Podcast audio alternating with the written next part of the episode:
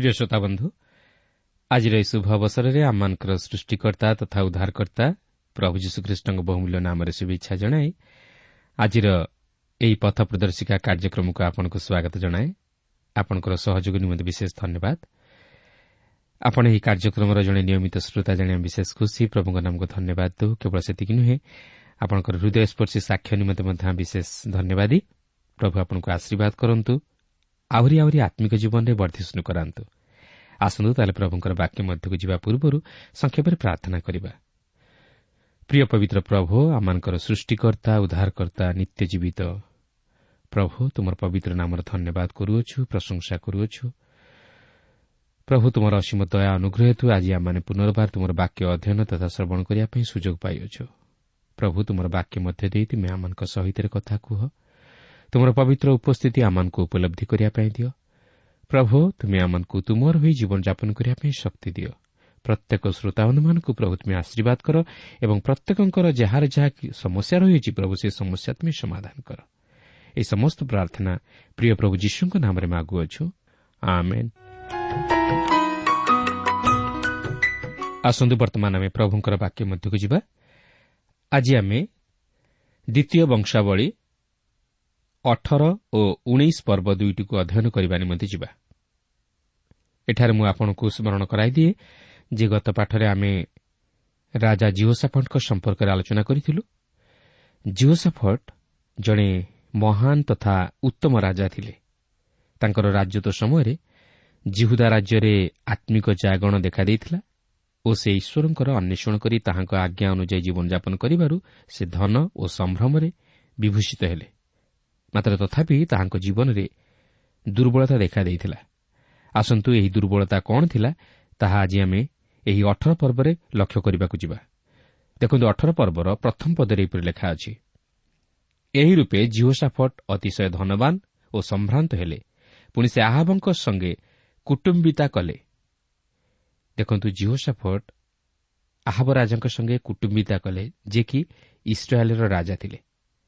ସେ ଆହବଙ୍କ ସଙ୍ଗେ ସହଭାଗିତା ସ୍ଥାପନ କଲେ। ଏହାପରେ ଦୁଇ ପଦରେ ଲେଖା ଅଛି ଆଉ କେତେକ ବର୍ଷ ଉତ୍ତାରେ ସେ ସମରିଆ ଦେଶକୁ ଆହବଙ୍କ କତିକି ଗଲେ। ତହିଁରେ ଆହବ ତାଙ୍କ ନିମନ୍ତେ ଓ ତାଙ୍କର ସଙ୍ଗୀ ଲୋକମାନଙ୍କ ନିମନ୍ତେ ଅନେକ ମେଷ ଓ ବଳଦ ମାରିଲେ ଓ ଆପଣା ସଙ୍ଗେ ରାମଦ ଗିଲିୟତକୁ ଯିବା ପାଇଁ ତାଙ୍କୁ ମଣାଇଲେ। ତେବେ ଏହି ଦୁଇ ଜଣ ବ୍ୟକ୍ତି କିପରି ପରସ୍ପର ସହିତ ମିଳିତ ହେଲେ ତାହା ଭାବିଲେ ଆଶ୍ଚର୍ଯ୍ୟ ଲାଗେ। ଓ ବିଶ୍ୱାସ ମଧ୍ୟ କରିହୁଏ ନା ଏହା ଅତି ରହସ୍ୟଜନକ। ସତେ ଯେପରି ଆଲୋକ ଓ ଅନ୍ଧକାର ଏକ ସଙ୍ଗେ ମିଳିତ ହୋଇଅଛନ୍ତି ବା ପାପ ଓ ପୁଣ୍ୟ ଏକତ୍ର ମିଳିତ ହୋଇଅଛନ୍ତି। କାରଣ ଜିଓସାଫଟ୍ ବ୍ୟକ୍ତିଗତ ଭାବେ ଜଣେ ଈଶ୍ୱର ପରାୟଣ ରାଜା ଥିଲେ ଓ ସେ ନିଜ ରାଜ୍ୟରେ ଆତ୍ମିକ ଜାଗରଣ ମଧ୍ୟ ଆଣିଥିଲେ। ସେ ଈଶ୍ୱରଙ୍କୁ ପ୍ରେମ କରନ୍ତି ଓ ସେ ଈଶ୍ୱରଙ୍କ ବାକ୍ୟକୁ ମଧ୍ୟ ପ୍ରେମ କରନ୍ତି। ସେ ଜଣେ ଆତ୍ମିକ ମନୋଭାବ ବିଶିଷ୍ଟ ବ୍ୟକ୍ତି ଥିଲେ କିନ୍ତୁ ଅନ୍ୟ ଦିଗରେ ଆହବ ଜଣେ ଦୁଷ୍ଟ ପ୍ରକୃତିର ରାଜା ଥିଲେ। ସେ ଈଶ୍ୱର ବିହୀନ ଜୀବନଯାପନ କରୁଥିଲେ ସେ ଈଶ୍ୱରଙ୍କୁ ଘୃଣା କରୁଥିଲେ। ସେ ଅନୈତିକ କାର୍ଯ୍ୟରେ ଓ ପ୍ରତିମା ପୂଜାରେ ନିଜକୁ ନିୟୋଜିତ କରିଥିଲେ। କିନ୍ତୁ ଏଠାରେ ପ୍ରଶ୍ନ ଆସେ ଯେ ଏହି ଦୁଇ ଜଣ କିପରି ପରସ୍ପର ସହିତ ମିଳିତ ହେଲେ ଓ ପରସ୍ପର ସହିତ ସମ୍ପର୍କ ସ୍ଥାପନ କଲେ। ତେବେ ଆସନ୍ତୁ ଏହି ବିଷୟ ନେଇ ପୁଙ୍ଖାନୁପୁଙ୍ଖ ଭାବେ ଅନୁସନ୍ଧାନ କରିବା। ସେମାନଙ୍କର ତିନୋଟି ସ୍ତରରେ କୁଟୁମ୍ବିତା ଓ ଅଂଶୀଦାରୀ ପ୍ରତିଷ୍ଠିତ ହୋଇଥିଲା। ଏହି ସମସ୍ତ କେବଳ ଭୌତିକ ବିଷୟ ନେଇ ଓ ଶାରୀରିକ ବିଷୟ ନେଇ ପ୍ରତିଷ୍ଠିତ ହୋଇଥିଲା। ପ୍ରଥମତଃ ସେମାନଙ୍କ ମଧ୍ୟରେ ବୈବାହିକ କୁଟୁମ୍ବିତା ସ୍ଥାପିତ ହୋଇଥିଲା। ଜିଓସାଫଟଙ୍କ ପୁତ୍ର ଜିହୋରାମ ଆହବ ରାଜା ଓ ଇସେବଲର କନ୍ୟା ଅଥଲିଆକୁ ବିବାହ କରିଥିଲେ। ଏହି ଅଥଲିଆ ଏକ ଭୟଙ୍କର ସ୍ତ୍ରୀ ଥିଲା ଯେ କି ଆପଣାର ପିତାମାତାଙ୍କର ସ୍ୱଭାବ ତଥା କାର୍ଯ୍ୟକଳାପକୁ ଅନୁକରଣ କରିଥିଲା ଓ ତହିଁର ଅନୁଗାମୀ ହୋଇଥିଲା ଯାହାକି ଆମେ ରାଜାବଳୀ ପୁସ୍ତକରେ ଅଧ୍ୟୟନ କରି ଦେଖିସାରିଛୁ। ଆଉ ମୁଁ ଭାବୁଛି ଯେ ଏହି ଦୁଇ ଜଣ ଏହିପରି ଭାବେ ପରସ୍ପର ମଧ୍ୟରେ ବୈବାହିକ ସମ୍ବନ୍ଧ ସ୍ଥାପନ କରି ଜିହୁଦା ଓ ଇସ୍ରାଏଲ୍କୁ ଏକ ତଥା ଅଭିନ୍ନ ରାଜ୍ୟରେ ପରିଣତ କରିବାକୁ ଚାହୁଁଥିଲେ। ମାତ୍ର ସେମାନେ ଯାହା କଲେ ତାହା ଭୁଲ ଥିଲା। ଏଥିରୁ ମଧ୍ୟ ଆଜି ଆମମାନଙ୍କ ନିମନ୍ତେ ଏକ ମହାନ ଆତ୍ମିକ ଶିକ୍ଷା ମିଳେ। ଅନେକ ଖ୍ରୀଷ୍ଟ ବିଶ୍ୱାସୀ ଅବିଶ୍ୱାସୀମାନଙ୍କ ସହିତ ଏହିପରି ବୈବାହିକ ସମ୍ପର୍କ ସ୍ଥାପନ କରି ସେମାନଙ୍କୁ ଖ୍ରୀଷ୍ଟ ବିଶ୍ୱାସୀରେ ପରିଣତ କରାଇବା ନିମନ୍ତେ ଚେଷ୍ଟା କରନ୍ତି। ମାତ୍ର ତାହା ଈଶ୍ୱରଙ୍କ ବାକ୍ୟ ଅନୁଯାୟୀ ଭୁଲ। ଖ୍ରୀଷ୍ଟ ବିଶ୍ୱାସୀମାନେ ଏହିପରି ଅବିଶ୍ୱାସୀମାନଙ୍କ ସହିତ ବୈବାହିକ ସମ୍ପର୍କ ସ୍ଥାପନ କରିବା ଅନୁଚିତ? ହଁ ଖ୍ରୀଷ୍ଟ ବିଶ୍ୱାସୀ ସେହି ଅଣଖ୍ରୀଷ୍ଟ ବିଶ୍ୱାସୀକୁ ଖ୍ରୀଷ୍ଟ ବିଶ୍ୱାସୀରେ ପରିଣତ କରିବା ପରେ ତାହା ସହିତ ବିବାହ କଲେ କୌଣସି ଆପତ୍ତି ନାହିଁ। ତାହା ନହେଲେ ବିଭିନ୍ନ ପ୍ରକାର ସମସ୍ୟା ଉପୁଜିଥାଏ। ନିଜର ବ୍ୟକ୍ତିଗତ ଜୀବନରେ ପାରିବାରିକ ଜୀବନରେ ଓ ମାଣ୍ଡଳିକ ଜୀବନରେ ମଧ୍ୟ। ଯାହାକି ଆଜି ମଧ୍ୟ ଅନେକ କ୍ଷେତ୍ରରେ ପରିଲକ୍ଷିତ ହୁଏ। ଏଠାରେ ଆପଣ ଦେଖନ୍ତୁ ଜିଓସାପଟଙ୍କ ପୁତ୍ର ସେହି ଆହବ ଓ ଇସେବଲଙ୍କର କନ୍ୟା ଅଥଲିଆକୁ ବିବାହ କରିବା ଦ୍ୱାରା ସେହି ଆତ୍ମିକ ଜାଗରଣରେ ଶିଥିଳତା ଦେଖାଦେଲା। ଏହା ଅତି ଦୁଃଖର ବିଷୟ ଥିଲା। ଏହା ପ୍ରକୃତରେ ଦାଉଦ ବଂଶର ସର୍ବନାଶ ଘଟାଇଲା। ଏହା ଆଜି ମଧ୍ୟ ଅନେକ ପରିବାରର ସର୍ବନାଶ ଘଟାଏ। ଏହା ପ୍ରକୃତିରେ ଏକ ଫାଶ ସ୍ୱରୂପ। ଦ୍ୱିତୀୟରେ ଜିଓସାପଟ ଓ ଆହବଙ୍କ ମଧ୍ୟରେ ଏକ ବ୍ୟବସାୟିକ କୁଟୁମ୍ବିତା ପ୍ରତିଷ୍ଠିତ ହୋଇଥିଲା। ଏଥିପୂର୍ବରୁ ଆମେ ପ୍ରଥମ ରାଜାବଳୀ ବାଇଶ ପର୍ବରେ ଦେଖିସାରିଛୁ ଯେ ଜିଓସାଫଟ ଆହବଙ୍କର ପୁତ୍ର ଅହସ୍ୟଙ୍କ ସହିତ ମିତ୍ରତା ସ୍ଥାପନ କଲେ ଯେତେବେଳେ କି ଅହସ୍ୟ ଇସ୍ରାଏଲ୍ ଉପରେ ରାଜା ହେଲେ ଓ ସେମାନେ ତର୍ସିସ୍କୁ ଜାହାଜ ସବୁ ପଠାଇଲେ ଯାହାକି ଆମେ ଦ୍ୱିତୀୟ ବଂଶାବଳୀ କୋଡ଼ିଏ ପର୍ବରେ ମଧ୍ୟ ଲକ୍ଷ୍ୟ କରିବାକୁ ପାରିବା। ଏହି ଜାହାଜ ସବୁ ଶସ୍ୟ ଓ ସୁବର୍ଣ୍ଣ ବ୍ୟବସାୟ ନିମନ୍ତେ ପଠାଯାଇଥିଲା କିନ୍ତୁ ଏହା ସଫଳ ହେଲା ନାହିଁ। ଈଶ୍ୱର ଏହିପରି ବନ୍ଧୁତାରେ ସନ୍ତୁଷ୍ଟ ନଥିଲେ। ତୃତୀୟରେ ଜିଓସାପଟ୍ ଓ ଆହବଙ୍କ ମଧ୍ୟରେ ଏକ ସାମରିକ ବନ୍ଧୁତା ସ୍ଥାପିତ ହୋଇଥିଲା। ଅରାମ ସହିତ ଆହବ ରାଜାଙ୍କର ସମସ୍ୟା ଥିଲା। ତେଣୁକରି ସେ ଜିଓସାପଟ୍ଙ୍କ ସହିତ ବନ୍ଧୁତା କରି ଅରାମୀୟମାନଙ୍କ ସହିତ ଯୁଦ୍ଧ କରିବା ନିମନ୍ତେ ତାଙ୍କ ସହିତ ରାମୋତ୍ ଗିଲିୟତ୍ ପର୍ଯ୍ୟନ୍ତ ଯିବାକୁ କହିଲେ। ଜିଓସାପଟ୍ଙ୍କ ନିମନ୍ତେ ସେ ଏକ ମହାଭୋଜ ମଧ୍ୟ ପ୍ରସ୍ତୁତ କଲେ ଓ ସେ ଜିଓସାପଟ୍କୁ ଯୁଦ୍ଧ କରିବା ନିମନ୍ତେ ପ୍ରବର୍ତ୍ତାଇଲେ। ଲକ୍ଷ୍ୟ କରନ୍ତୁ ଜିଓସାପଟ୍ ବର୍ତ୍ତମାନ ଦୁଷ୍ଟର ମନ୍ତ୍ରଣାରେ ଚାଲୁଅଛନ୍ତି।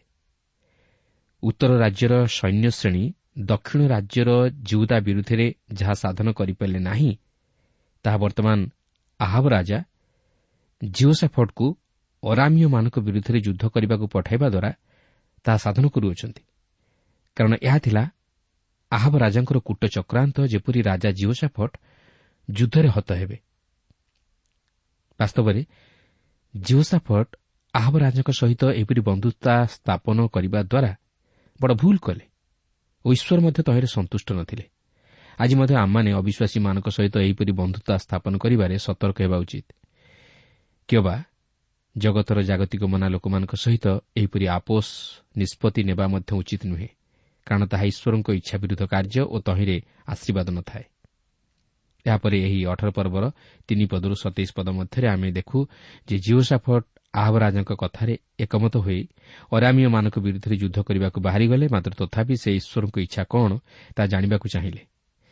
ତେବେ ଆହବ ରାଜା ବାଲ୍ର ଭବିଷ୍ୟତ ବକ୍ତାମାନଙ୍କୁ ଏହି ବିଷୟ ନେଇ ପଚାରିବାରୁ ସେମାନେ ମିଥ୍ୟା ଭବିଷ୍ୟବାଣୀ ପ୍ରକାଶ କରି କହିଲେ ଯାଉନ୍ତୁ କାରଣ ପରମେଶ୍ୱର ତାହା ରାଜାଙ୍କ ହସ୍ତରେ ସମର୍ପଣ କରିବେ। ମାତ୍ର ଜିଓସାପଟ ଜାଣିପାରିଲେ ଯେ ଏଠାରେ କିଛି ତ୍ରୁଟି ଥିବାର ଜଣାଯାଉଛି। ତେଣୁକରି ସେ ସେହି ଭବିଷ୍ୟତ ବକ୍ତାମାନଙ୍କ କଥାରେ ସମ୍ମତ ନ ହୋଇ ଯେ କି ସତ୍ୟ ଭାବରେ ଈଶ୍ୱରଙ୍କ ଇଚ୍ଛାକୁ ବ୍ୟକ୍ତ କରିପାରିବ ଏପରି ଏକ ଭାଓବାଦୀଙ୍କ ମୁଖରୁ ସେ ଏହି ବିଷୟ ଶୁଣିବାକୁ ଚାହିଁଲେ। ତେବେ ଶେଷରେ ଆହବ ରାଜା ଯଦିଓ ମିଖାୟ ଭବିଷ୍ୟତ ବକ୍ତାଙ୍କ ମୁଖରୁ କୌଣସି କଥା ଶୁଣିବାକୁ ଚାହୁଁନଥିଲେ ତଥାପି ସେ ଜିଓସାପଟଙ୍କ କଥାରେ ଏକମତ ହୋଇ ତାହାଙ୍କୁ ଡକାଇଲେ। କାରଣ ସେହି ମିଖାୟ ଈଶ୍ୱରଙ୍କ ବାକ୍ୟ ଯଥାର୍ଥ ରୂପେ ପ୍ରକାଶ କରୁଥିବାରୁ ଆହବ ରାଜା ତାହାଙ୍କୁ ପସନ୍ଦ କରୁନଥିଲେ। କି ତାହାଙ୍କ ମୁଖରୁ ଏହି ବିଷୟ ନେଇ କୌଣସି କଥା ଶୁଣିବାକୁ ଚାହୁଁନଥିଲେ। ତେବେ ମିଖାଙ୍କ ଭାବବାଣୀ ଯଦିଓ ଆହବଙ୍କ ପ୍ରତି ଅମଙ୍ଗଳର ସୂଚନା ଦେଇଥିଲା ତଥାପି ସେ ମିଖାଇଙ୍କ କଥାକୁ ନ ଶୁଣି ଓ ତାହାଙ୍କୁ କାରାଗାରରେ ବନ୍ଦୀ କରି ରଖି ରାଜା ଜିହୋସାପଙ୍କ ସହିତ ଅରାମୀୟମାନଙ୍କ ବିରୁଦ୍ଧରେ ଯୁଦ୍ଧ କରିବାକୁ ଗଲେ। ତେବେ କଥାରେ ଅଛି ଯେ ପାଞ୍ଚେ ପରର ମନ୍ଦ ତାମନ୍ଦ ପାଞ୍ଚନ୍ତି ଗୋବିନ୍ଦ। ଆହବ ରାଜା ଜିଓସାଫଙ୍କର ମନ୍ଦ ପାଞ୍ଚୁଥିଲେ ମାତ୍ର ସେ ନିଜେ ସେହି ଯୁଦ୍ଧରେ ମଲେ। କାରଣ ସେହି ଶତ୍ରୁ ପକ୍ଷ ମଧ୍ୟରୁ ଜଣେ ବିନା ଲକ୍ଷ୍ୟରେ ଧନୁର୍ଗୁଣ ଟାଣିବା ଦ୍ୱାରା ସେହି ତୀର ଆସି ଇସ୍ରାଏଲ୍ର ରାଜା ଆହବଙ୍କର ସାଞ୍ଜୁଆର ଯୋଡ଼ ମଧ୍ୟରେ ଆସି ଆଘାତ କଲା ଓ ଆହବ ରାଜା ସେହିଠାରେ ମଲେ ଦେଖନ୍ତୁ ଈଶ୍ୱରଙ୍କର ଅଭିମତ କି ପ୍ରକାର ମିଖାଏ ଭବିଷ୍ୟତ ବକ୍ତାଙ୍କର କହିବା ଅନୁଯାୟୀ ଆହବ ରାଜା ମଲେ ମାତ୍ର ଜିଓସାଫଟ୍ ରକ୍ଷା ପାଇଗଲେ ଆହବ ରାଜା ଯାହା ଚାହୁଁନଥିଲେ ତାହା ହିଁ ତାଙ୍କ ପାଇଁ ଘଟିଲା। ପ୍ରିୟ ବନ୍ଧୁ ଆମେ କେବେ ହେଲେ ଈଶ୍ୱରଙ୍କ ମନୋନୀତ ଭକ୍ତ ତଥା ସାଧୁମାନଙ୍କର ବାକ୍ୟକୁ ତୁଚ୍ଛ କରିବା ଉଚିତ ନୁହେଁ କି ସେମାନଙ୍କ ପ୍ରତି ଅତ୍ୟାଚାର କରିବା ଠିକ୍ ନୁହେଁ। ମାତ୍ର ସେମାନଙ୍କ ବାକ୍ୟରେ ବିଶ୍ୱାସ କରି ତଦନୁଯାୟୀ ସତର୍କତା ଅବଲମ୍ବନ କରିବା ଉଚିତ। ତାଛଡ଼ା ଈଶ୍ୱରଙ୍କ ବାକ୍ୟ ଆଜି ଆମମାନଙ୍କୁ ଯାହା କହେ ତହିଁରେ ବିଶ୍ୱାସ କରିବାକୁ ହେବ।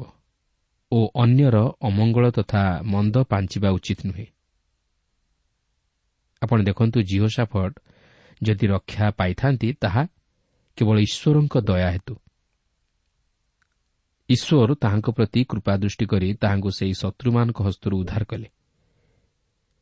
ଏହିଠାରେ ଆମେ ଅଠର ପର୍ବଟି ଅଧ୍ୟୟନ କରି ସମାପ୍ତ କଲୁ। ଏହାପରେ ଆମେ ଉଣେଇଶ ପର୍ବ ମଧ୍ୟକୁ ଯିବା।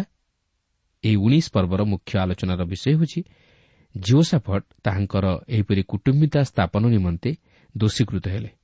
ଦେଖନ୍ତୁ ଉଣେଇଶ ପର୍ବର ପ୍ରଥମ ଦୁଇ ପଦରେ ଏହିପରି ଲେଖା ଅଛି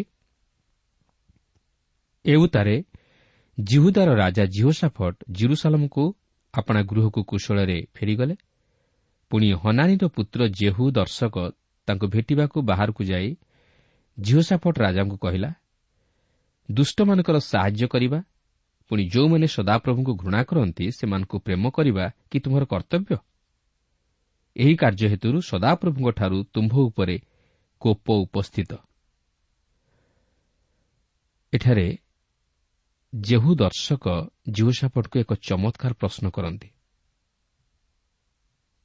ଦୁଷ୍ଟମାନଙ୍କର ସାହାଯ୍ୟ କରିବା ପୁଣି ଯେଉଁମାନେ ସଦାପ୍ରଭୁଙ୍କୁ ଘୃଣା କରନ୍ତି ସେମାନଙ୍କୁ ପ୍ରେମ କରିବା କି ତୁମର କର୍ତ୍ତବ୍ୟ? ଏହା ଏକ ଉତ୍ତମ ପ୍ରଶ୍ନ। ପ୍ରିୟ ବନ୍ଧୁ ଈଶ୍ୱର ଆପଣଙ୍କୁ ଜଣକୁ ପ୍ରେମ କରିବାକୁ କହନ୍ତି ନାହିଁ? ଯିଏକି ଈଶ୍ୱରଙ୍କର ଜଣେ ଶତ୍ରୁ ବା ଈଶ୍ୱରଙ୍କ ବାକ୍ୟକୁ ଘୃଣା କରି ପାପକୁ ପ୍ରେମ କରେ। କାରଣ ପାପୀକୁ ପ୍ରେମ କରିବା ଓ ପାପୀର ପାପକୁ ପ୍ରେମ କରିବା ଏହି ଦୁଇଟି ବିଷୟ ମଧ୍ୟରେ ଆମେ ଭିନ୍ନତା ଲକ୍ଷ୍ୟ କରିବାକୁ ପାରୁ ବା ଭିନ୍ନତା ଲକ୍ଷ୍ୟ କରିବାକୁ ହେବ। ଓ ତାହା ଜାଣିବାକୁ ହେବ। ଆମେ ପାପୀର ପାପକୁ ଘୃଣା କରିବାକୁ ହେବ ଓ ତାହାର କାର୍ଯ୍ୟକଳାପଠାରୁ ଦୂରେଇ ରହିବାକୁ ହେବ। ଯଦି ଜଣେ ପାପୀ ପାପରୁ ପରିବର୍ତ୍ତିତ ହୁଏ ନାହିଁ ମାତ୍ର ପାପ ଉପରେ ପାପ କରିଚାଲେ ଓ ପାପ କରିବାକୁ ଭଲ ପାଏ ତାହେଲେ ସେ ନିଜ ପାପରେ ହିଁ ବିନଷ୍ଟ ହୁଏ। ଏପରି ଲୋକଠାରୁ ପୃଥକୀକୃତ ଜୀବନଯାପନ କରିବା ଉଚିତ। ଏଠାରେ ମଧ୍ୟ ଆମକୁ ଆଉ ଏକ ଚମତ୍କାର ଶିକ୍ଷା ମିଳେ। ଆହାବ ଓ ଇସେବଲ ସହିତ ଜିଓସାପଟ ନିଜକୁ ସାମିଲ କରିବା ପୂର୍ବରୁ ଈଶ୍ୱର ତାହାଙ୍କ ନିକଟକୁ ଯେଉଁଙ୍କୁ ପଠାଇ ନଥିଲେ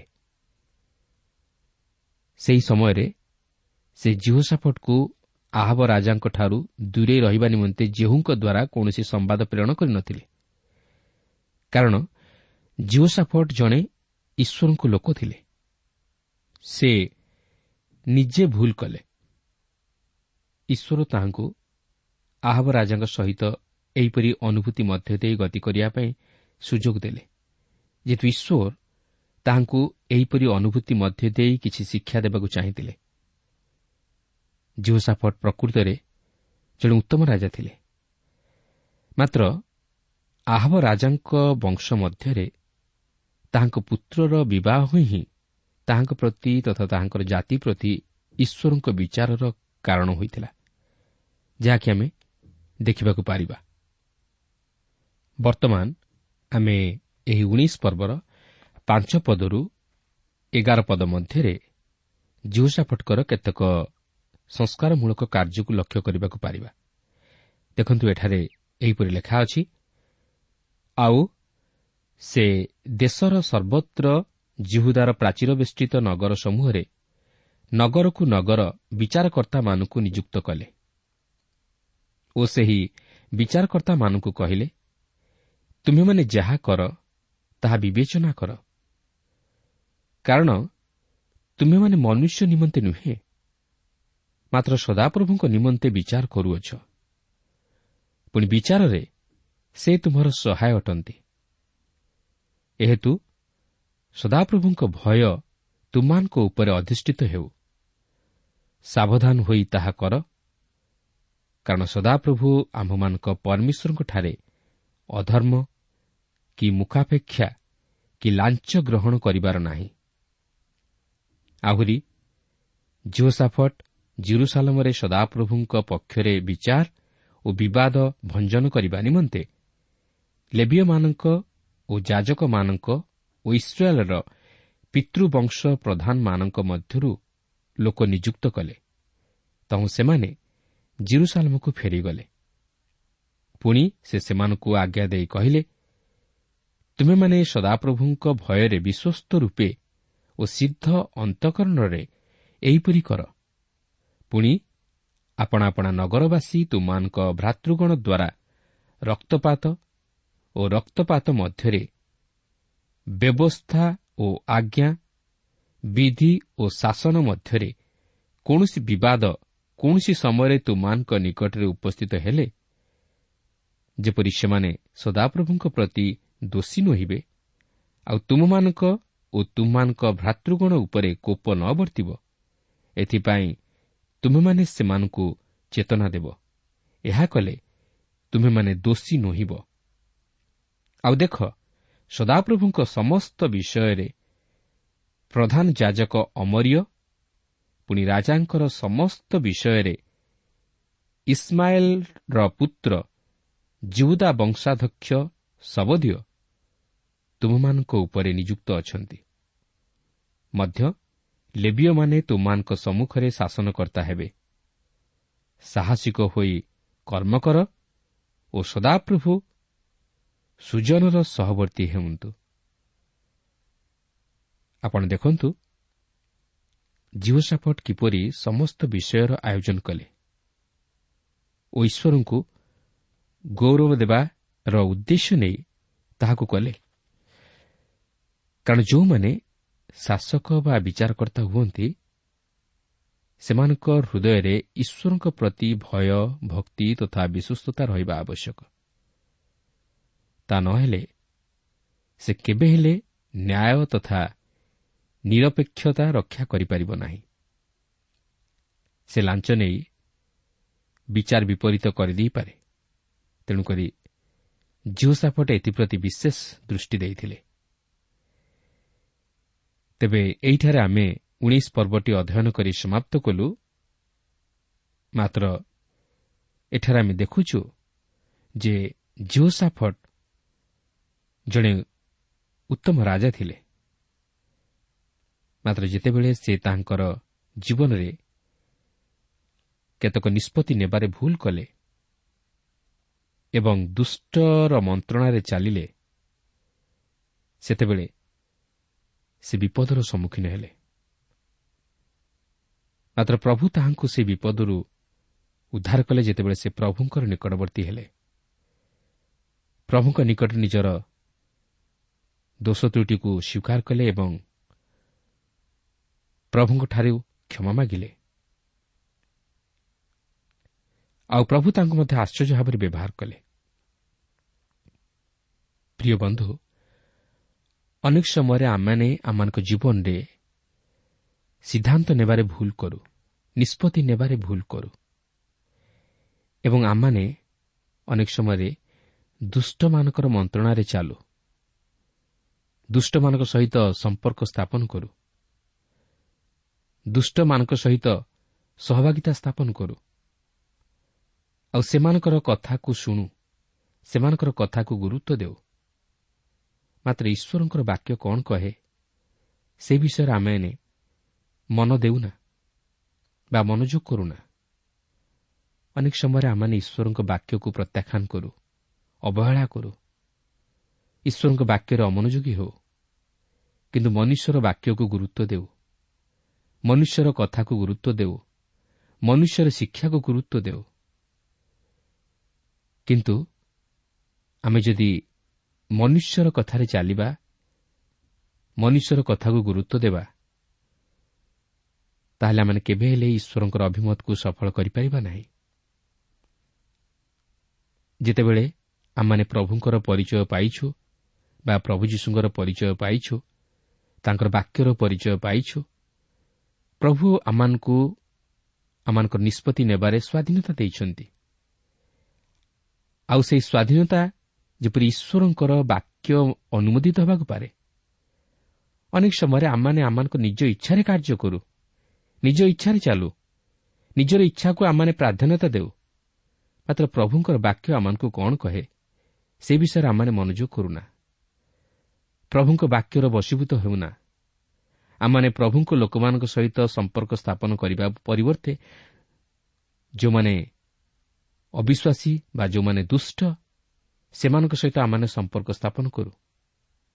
ଅନେକ ସମୟରେ ଆମମାନଙ୍କ ଜୀବନର ସମସ୍ୟା ନେଇ ଆମମାନେ ମନୁଷ୍ୟମାନଙ୍କୁ ଜଣାଉ ମାତ୍ର ପ୍ରଭୁଙ୍କ ନିକଟକୁ ଯାଉନା। ପ୍ରଭୁଙ୍କର ନିକଟବର୍ତ୍ତୀ ହେଉନା।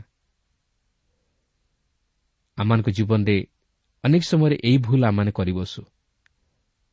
ଆଉ ଯଦ୍ୱାରା କି ଆମମାନେ ଅନେକ ସମସ୍ୟାର ସମ୍ମୁଖୀନ ହେଉ। ପ୍ରିୟ ବନ୍ଧୁ ଆଜି ଯଦି ଆମମାନେ ପ୍ରଭୁଙ୍କର ପରିଚୟ ପାଇଛୁ ଆମମାନେ ପ୍ରଭୁଙ୍କର ବାକ୍ୟ ଅନୁଯାୟୀ ଜୀବନଯାପନ କରିବା ଉଚିତ। ଝିଅ ସାପଟ ସେଦିନ ସେହି ତିନୋଟି ଭୁଲ କରିଥିବାରୁ ସେ ସମସ୍ୟାର ସମ୍ମୁଖୀନ ହେଲେ ବିପଦର ସମ୍ମୁଖୀନ ହେଲେ। ଆଉ ବିଶେଷରେ ସେ ବୈବାହିକ ସମ୍ପର୍କ ସ୍ଥାପନ କରିବା ଦ୍ୱାରା ଆହବ ରାଜାଙ୍କର ଶିକାର ହେଲେ। ପ୍ରିୟ ବନ୍ଧୁ ଆଜି ଏହି ଜଗତରେ ଆମମାନେ ଯେତେବେଳେ ପ୍ରଭୁଙ୍କର ପରିଚୟ ପାଇଛୁ ପୁଅ ହେଉ ବା ଝିଅ ହେଉ ଯେତେବେଳେ ଆମମାନେ ବୈବାହିକ ଜୀବନ ବିଷୟ ନେଇ ଚିନ୍ତା କରୁ ବା ବୈବାହିକ ସମ୍ବନ୍ଧ ସ୍ଥାପନ କରିବା ପାଇଁ ଚାହୁଁ ଆମମାନେ କେଉଁ ପ୍ରକାର ପଦକ୍ଷେପ ନେଉ? ପ୍ରଭୁଙ୍କର ବାକ୍ୟ କହେ ଯେ ଆମମାନେ ଯେପରି ଅବିଶ୍ୱାସୀମାନଙ୍କ ସହିତ ବା ଅଣଖ୍ରୀଷ୍ଟ ବିଶ୍ୱାସୀମାନଙ୍କ ସହିତ ଯେପରି ଆମମାନେ ବୈବାହିକ ସମ୍ପର୍କ ସ୍ଥାପନ ନ କରୁ। ଆଉ ଯଦି ଆମମାନେ କରିବା ପାଇଁ ଚାହୁଁ ତାହେଲେ ପ୍ରଥମେ ସେମାନଙ୍କୁ ପ୍ରଭୁଙ୍କ ନିକଟକୁ ଆଣିବାକୁ ଅଛି। ସେମାନେ ପ୍ରଭୁଙ୍କୁ ଜାଣିବାକୁ ଅଛି ପ୍ରଭୁଙ୍କୁ ଗ୍ରହଣ କରିବାକୁ ଅଛି। ତାପରେ ଆମେ ସେମାନଙ୍କ ସହିତ ସମ୍ପର୍କ ସ୍ଥାପନ କରିପାରିବା। କିନ୍ତୁ ଦେଖାଯାଏ ଯେ ଆମେ ସେମାନଙ୍କୁ ପ୍ରଭୁଙ୍କ ନିକଟକୁ ଆଣିବା ପରିବର୍ତ୍ତେ ପ୍ରଥମେ ସେମାନଙ୍କ ସହିତ ବୈବାହିକ ସମ୍ପର୍କ ସ୍ଥାପନ କରୁ ତାପରେ ଭାବୁ ଯେ ବିବାହ ପରେ ଆମେ ତାଙ୍କୁ ପ୍ରଭୁଙ୍କ ନିକଟକୁ ଆଣିପାରିବା। ମାତ୍ର ତାହା ସମ୍ଭବ ନୁହେଁ। ତେଣୁ ଆସୁ। ଆମମାନଙ୍କ ଜୀବନରେ ଯେତେବେଳେ ଆମେ କୌଣସି ଏ ପ୍ରକାର ନିଷ୍ପତ୍ତି ନେଉ ଯେପରି ତାହା ପ୍ରଭୁଙ୍କର ବାକ୍ୟ ଅନୁମୋଦିତ ହୁଏ ପ୍ରଭୁଙ୍କର ସନ୍ତୋଷଜନକ ହୁଏ ତାହେଲେ ପ୍ରଭୁ ତହିଁରେ ଆଶୀର୍ବାଦ କରିବେ ଏବଂ ଆମମାନେ ଅନେକ ସମସ୍ୟାରୁ ଆମମାନଙ୍କ ଜୀବନକୁ ରକ୍ଷା କରିପାରିବା। ପ୍ରଭୁ ପ୍ରତ୍ୟେକଙ୍କୁ ଏହି ସଂକ୍ଷିପ୍ତ ଆଲୋଚନା ମଧ୍ୟ ଦେଇ ଆଶୀର୍ବାଦ କରନ୍ତୁ।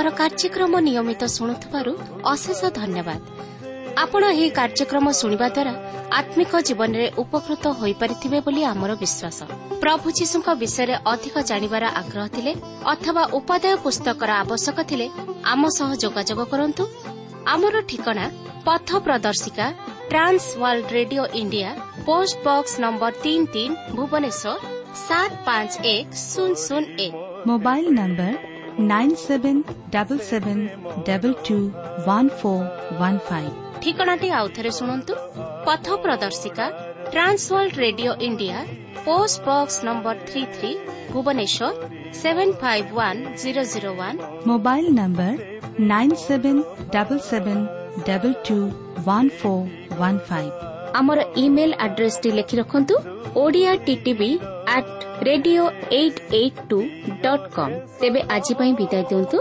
ନମସ୍କାର